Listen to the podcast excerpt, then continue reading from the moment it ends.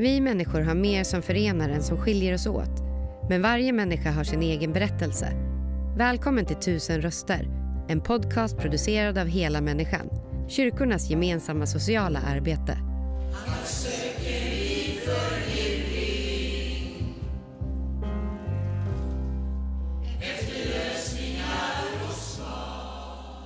Ja, då är vi hos Hela Människans verksamhet här i Enköping och jag träffar Jonny som är 61 år.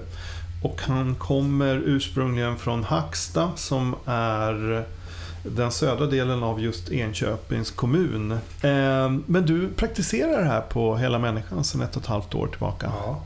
Vad får du göra?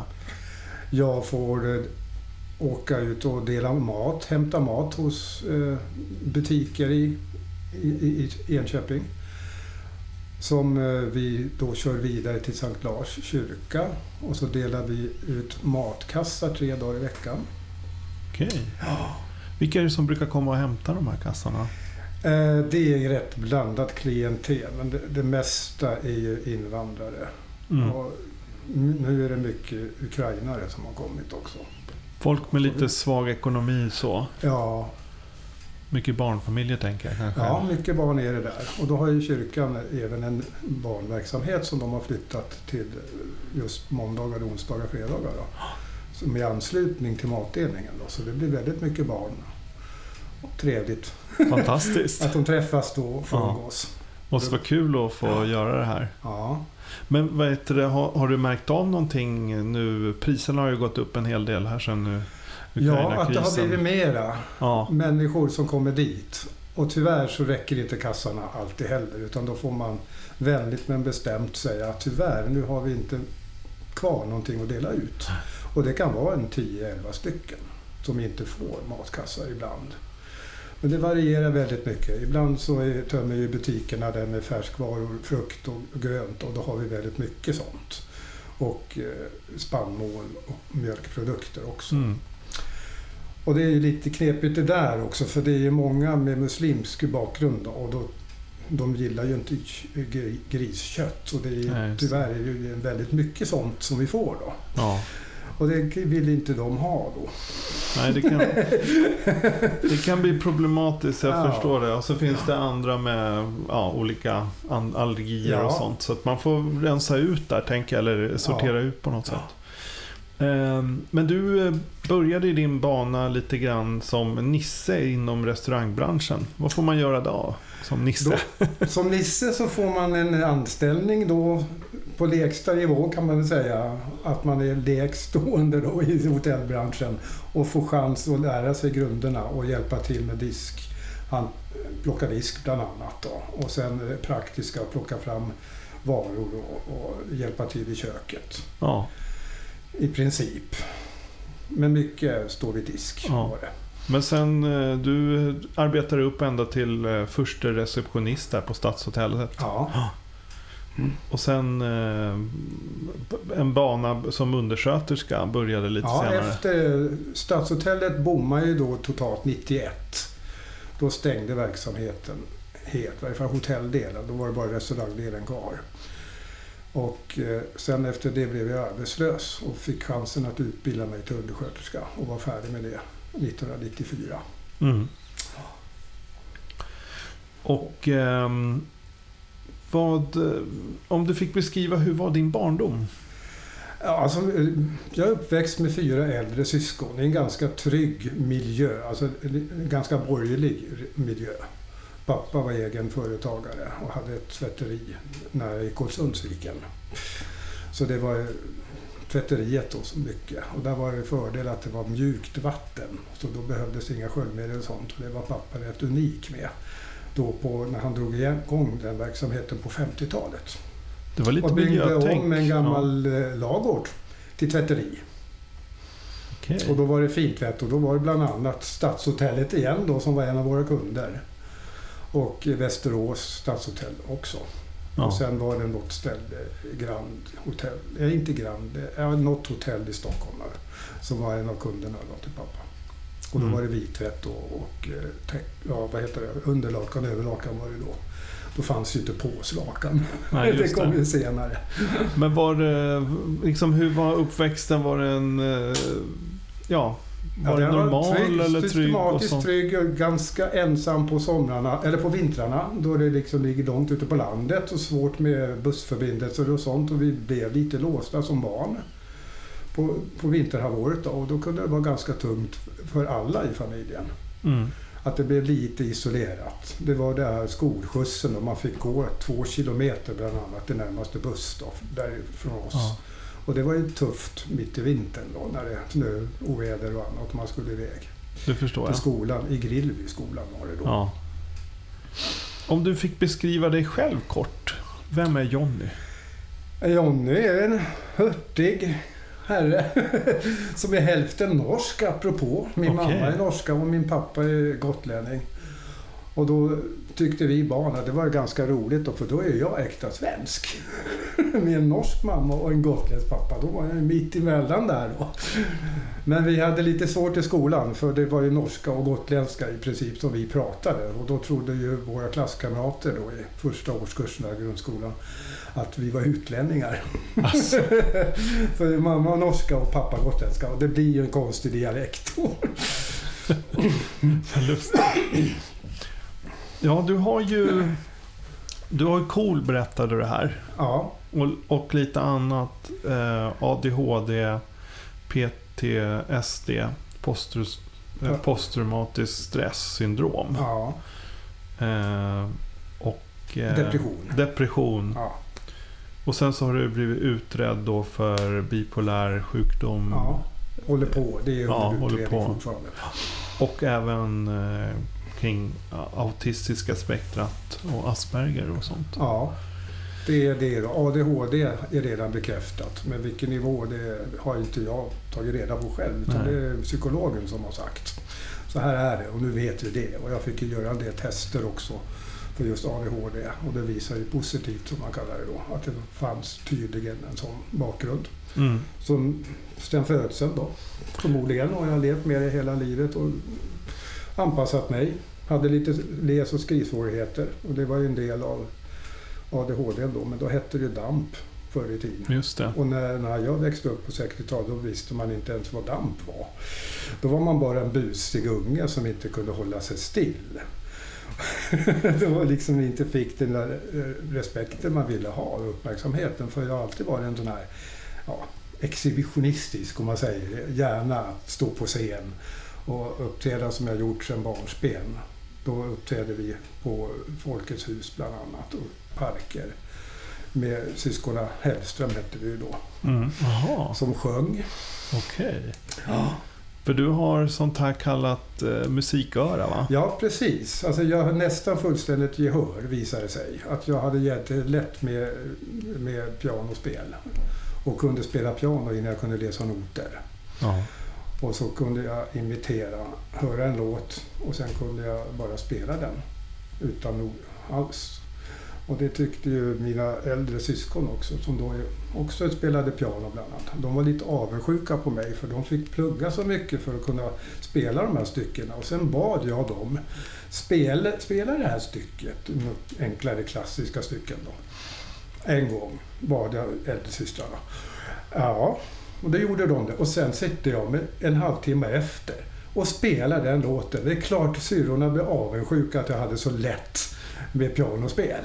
ja, det förstår jag. Och det, det var ju en begåvning tyckte mina lärare då, som musiklärarna bland annat, då, att det här är ju verkligen talang då. Mm. Så jag stod ju på scen och sjöng när jag var fyra år gammal. Men du har gillat att stått i rampljuset sådär? Ja, liksom? och jag har varit eh, med i lokala topplistor också. Och så hade jag, jag, eh, vi hade en konstellation som hette Cure Mind. Det var en lite glamrockig grupp, om man säger, på 80-talet. Då. Ja.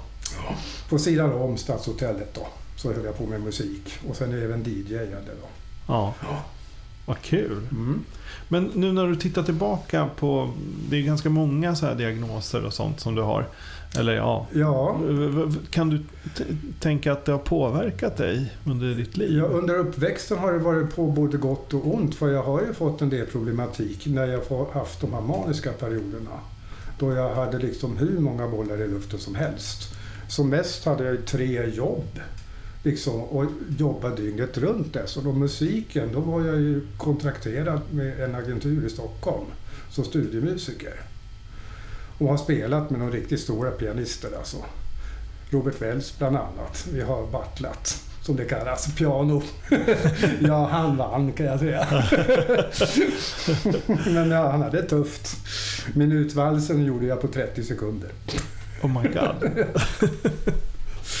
Men någonstans där eh, mitt i alltihop det här så började det komma in lite alkohol och så. Ja, i och med att jag var så aktiv. Dels med arbete och sen musiken. För den var ju lite inkörsport för det här med droger. För det var väldigt vanligt med joint och Ja.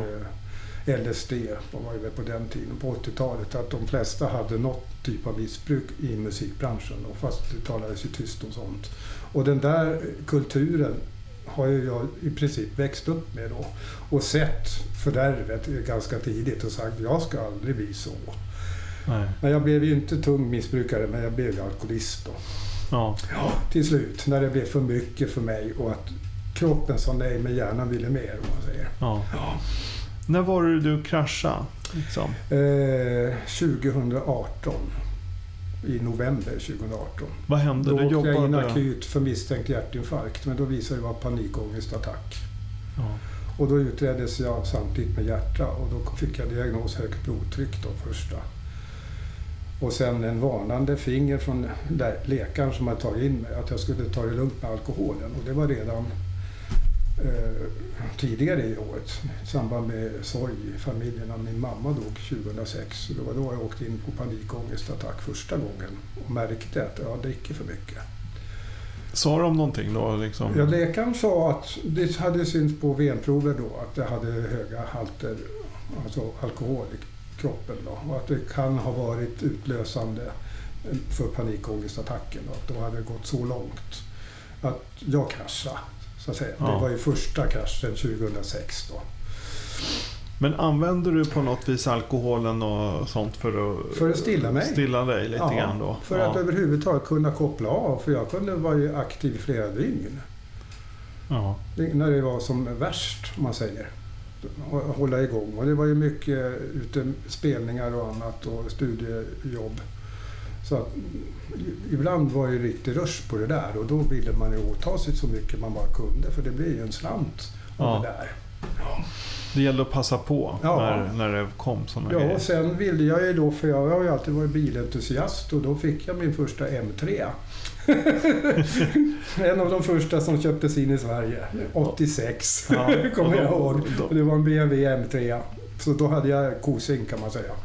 Och de kostar att hålla i jour också. Liksom. Ja, precis. Den, den var ju ganska dyr inköp då. Ja. Försäkring och skatt. Men Ja. jag klarade att ha den i två år. Sen det gick det inte längre. Men jag fick min dröm i varje fall. Jag fick egen M3. då hade jag uppfyllt den grejen. Ja. Men vad har du... ehm, vad har liksom varit dina drömmar under livet? Vad har du liksom Ja, jag är ju strävat efter? popstjärna. Det är popstjärnan? ja, absolut. Ja. Men det var en sån himla konkurrens slutet av 70 och början av 80-talet. Och man hade ju inte en chans. Och, och min typ av musik som jag skrev själv, det var väl inte riktigt genren som gällde på sent 70 och tidigt 80-tal. Vad var det för typ av genre du Eh, spelade? Jag hade ju mera popjazzig musik då och sen eh, lugnare powerballader då. Ja. Och de slog ju senare på 90-talet. De kom ju där. Du var för tidig. Jag var lite före alla andra ja. Men jag har gjort ett antal demotejp och jag är registrerad. Med, har gjort, skrivit 60 melodier och var fyra har köpts upp av riktigt kända människor idag som jag inte behöver gå in på namn och sånt. Så det finns låtar som spelas där ute som jag har skrivit. Under pseudonym. Ja. Men eh, nu, nu har du ju eh, de här grejerna då som ja, de olika diagnoserna så som Mm. du nu har lite mer koll på. Ja, och det känns skönt Ja. när jag äntligen fick klart för mig. Aha, det blev liksom lite aha-känsla. Är det därför jag har varit så och så i vissa situationer? Är det därför som jag fick utbrott på medarbetare så att de grät och gick hem och grät? Liksom? Att jag var så elak? Och att flera orsaker men i grunden i det hela är ju mina diagnoser som har ledde till ett missbruk. Och det var ju en bekräftelse Ja. för mig då. Och sen att utmana och komma till hela människan. Där det är missbruk som man jobbar med i huvudsak. Och ser misären för många. Och jag har ju sett en hel del sedan jag kom hit och började jobba då, som sekretessbelagda saker då. Och, och verkligen blev avskräckt för jag var centimetern ifrån att själv bli en boende här på hela Mm. människan i Enköping. Man har ju ett härberge här som... Ja, du Ja. var nära att bli bostadslös kan man Ja säga. precis, jag höll på att bli bostadslös. Ja. När det sket sig ordentligt om man säger. Innan det vände och jag fick den hjälp som Ja. jag själv sökte upp. För det var inga Ja. andra egentligen. Det började med arbetsgivaren som kallade mig till särskilt möte. Då. Men just det här, det, det måste ändå ha funnits en hel del signaler, eh, speciellt när du var yngre så, där, där de har sett att här är någonting som inte står rätt till. Eller vad tänker du själv? Ja, alltså det, det, förklaringen är ju det att jag var en ganska vild i unge i uppväxten och väldigt svåra koncentrationssvårigheter. Men då var man ju bara en jäkla besvärlig unge i princip. Man fick inte nå- någon förståelse för att jag kunde bli så energisk så jag klättrade på väggar. Liksom. Kunde inte sitta still på lektionerna. Helt plötsligt kunde jag resa på mig bara och gå. Nej, nu är jag ledsen. Jag går hem till mamma. Och då var det 17 kilometer.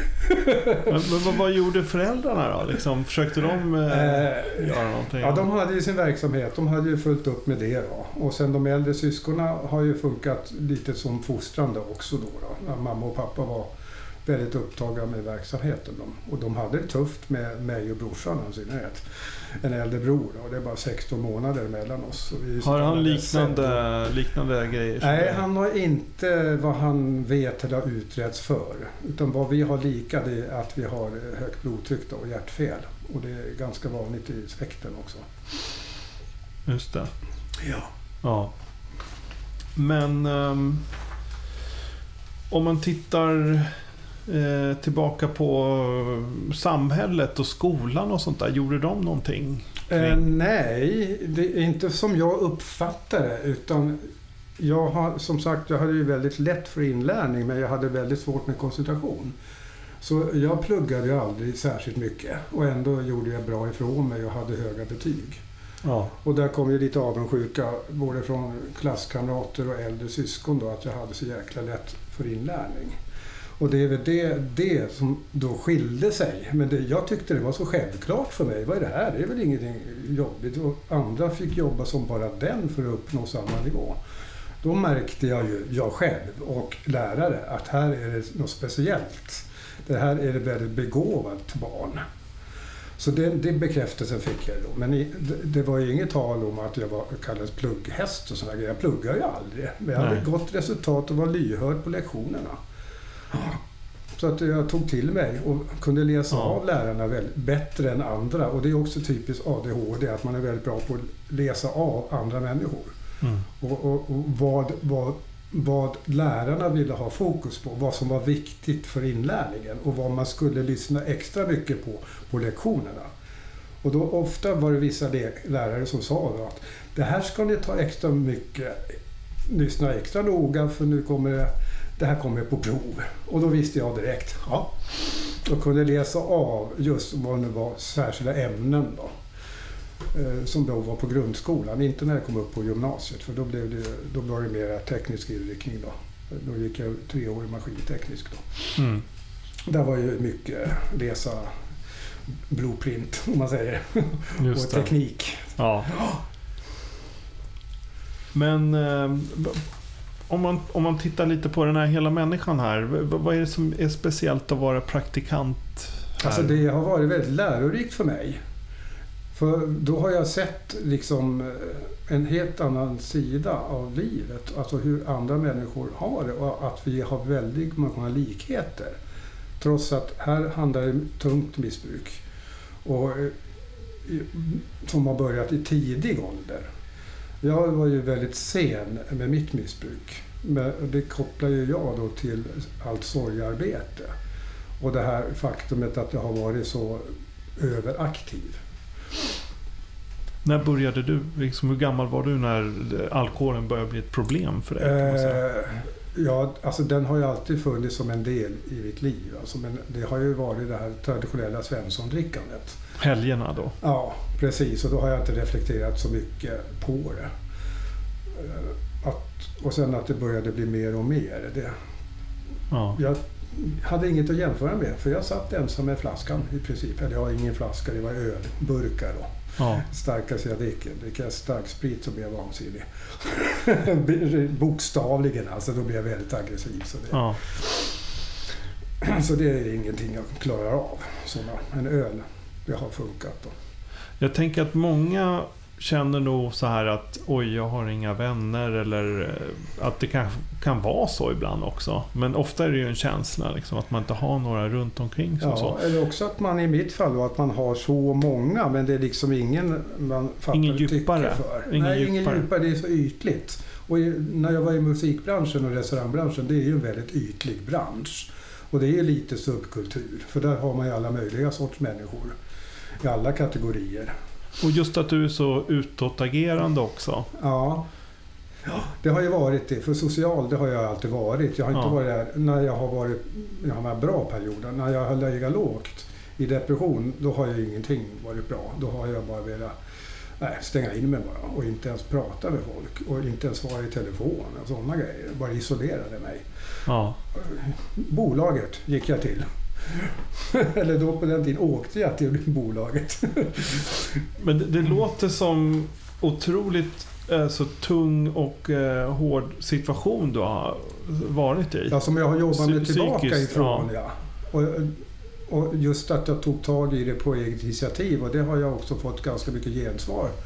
Vad gjorde du för någonting för att ta dig ur? Eh, jag tänkte till och så fick jag hjälp av eh, Nygängen här i Enköping. Vad är Nygängen för något? Nygängen det är en eh, kommunal verksamhet inom socialnämnden. Där de är fokuserade på missbruk och det är också ett ställe där missbrukare får gå in och lämna prover då, regelbundet. Och sen har de samtals, inte terapi då, men de har samtal, eh, några insatser som sociala skickar den vidare så man får en insats och kan gå något som kallas motivationsgruppen. Då. Och sen fick jag godkänt fem samtal på Nygängen. Där vi gjorde en tidslinje. Då jag gick tillbaka i, till barnspel i princip och upptäckte Gud vad jag hade glömt mycket. Alltså det kunde vara ett helt årtionde som jag inte ens mindes. Som helt plötsligt kom tillbaka tack vare samtalen med Nygängen. Och sen har ju Nygängen en koppling hit till RIA också. Via de som bor här då. Ja, just Så det, det ger en kommunikation mellan Peter och, och eh, Nygängen. Ja, när det just gäller verks- verksamhetschefen här, och, ja. ja. Och när det gäller dagverksamheten här också. Mm. Ja. Fantastiskt. Mm. Men, men vad var det för något rent konkret som de gjorde? Det var samtal med psykologer och så? Ja, det är in- inte, inte med psykolog. Jag hade ju särskild psykolog på Capio. Ja. Eh, som vi hade, jag hade väl en 40 session med honom. Innan, och, och sen eh, fysioterapeut hade jag också. För jag hade sån himla dålig fysik. Jag tappade 20 kilo.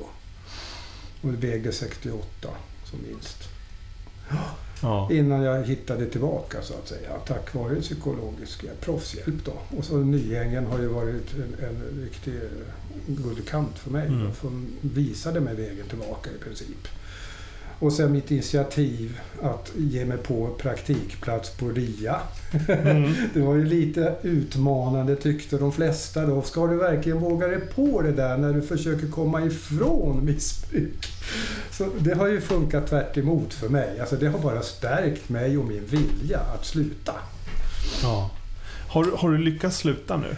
Inte helt och hållet. Inte helt och hållet? Nej, utan det är, det är ingenting jag själv inbillar mig tror jag. Att sluta tvärt, det är dömt att misslyckas. Då kan man falla tillbaka eller också blir det eh, eh, paranoia i princip. Ja. Att man får eh, demens eller vad man kallar alkoholdemens. Eller vad man kallar Ja, det ja precis. Det kan finnas- finnas sånt, ja. Absolut. Ja. Nej, man måste hitta sin egen väg och kunna sluta. Ja. Vad som funkar för dig. Mm. Och ett, ett alternativ till drickandet framför allt. Och det har jag ju funnit med mina promenader. Då, som jag började lite smått och promenera någon kilometer. Nu kan jag gå två mil om dagen. Och har en fysik som en 30-åring. Fantastiskt. ja, för att ha legat på 190 genom 100. Och 100 undertryck det är, är ju nästan så att njurarna lägger av, har lagt av då. När man har så högt undertryck. Oh. Och nu ligger jag på 135 genom 70. Det är så det är en himla skillnad. Ja. Tack vare att jag har promenaderna och dragit ner på alkoholen. Ja. Men fortfarande högt blodtryck då, som jag behandlas för. Fantastiskt Jonny att få höra din historia. Och du har verkligen delat med dig av dig och ditt liv. Mm. Och öppen Fragment av det i varje fall. Ja men, men alltså så mycket man kan få på de här minuterna. Mm. Och att du släpper in oss och får lyssna på din eh, historia med allt det som du har med dig i bagaget. Men också den här framtidstron som du har. Man märker när man träffar dig här Mm. att det här är en person som vill framåt och kommer framåt. Mm. Och förhoppningsvis ha motivationen så den räcker hela vägen. Också. Ja, det tror Annars jag. blir det ett jäkla tungt fall. Det svor jag. Det är okej. Men tack så mycket för att vi fick lyssna på din historia. Ja, tack själv för att du lyssnade. Tack för att du lyssnat. Intervjun gjordes av Daniel Ryderholm och musiken framfördes av Gatans röster. För att hitta fler avsnitt och ta reda på hur du kan engagera dig besök helamänniskan.se volontär.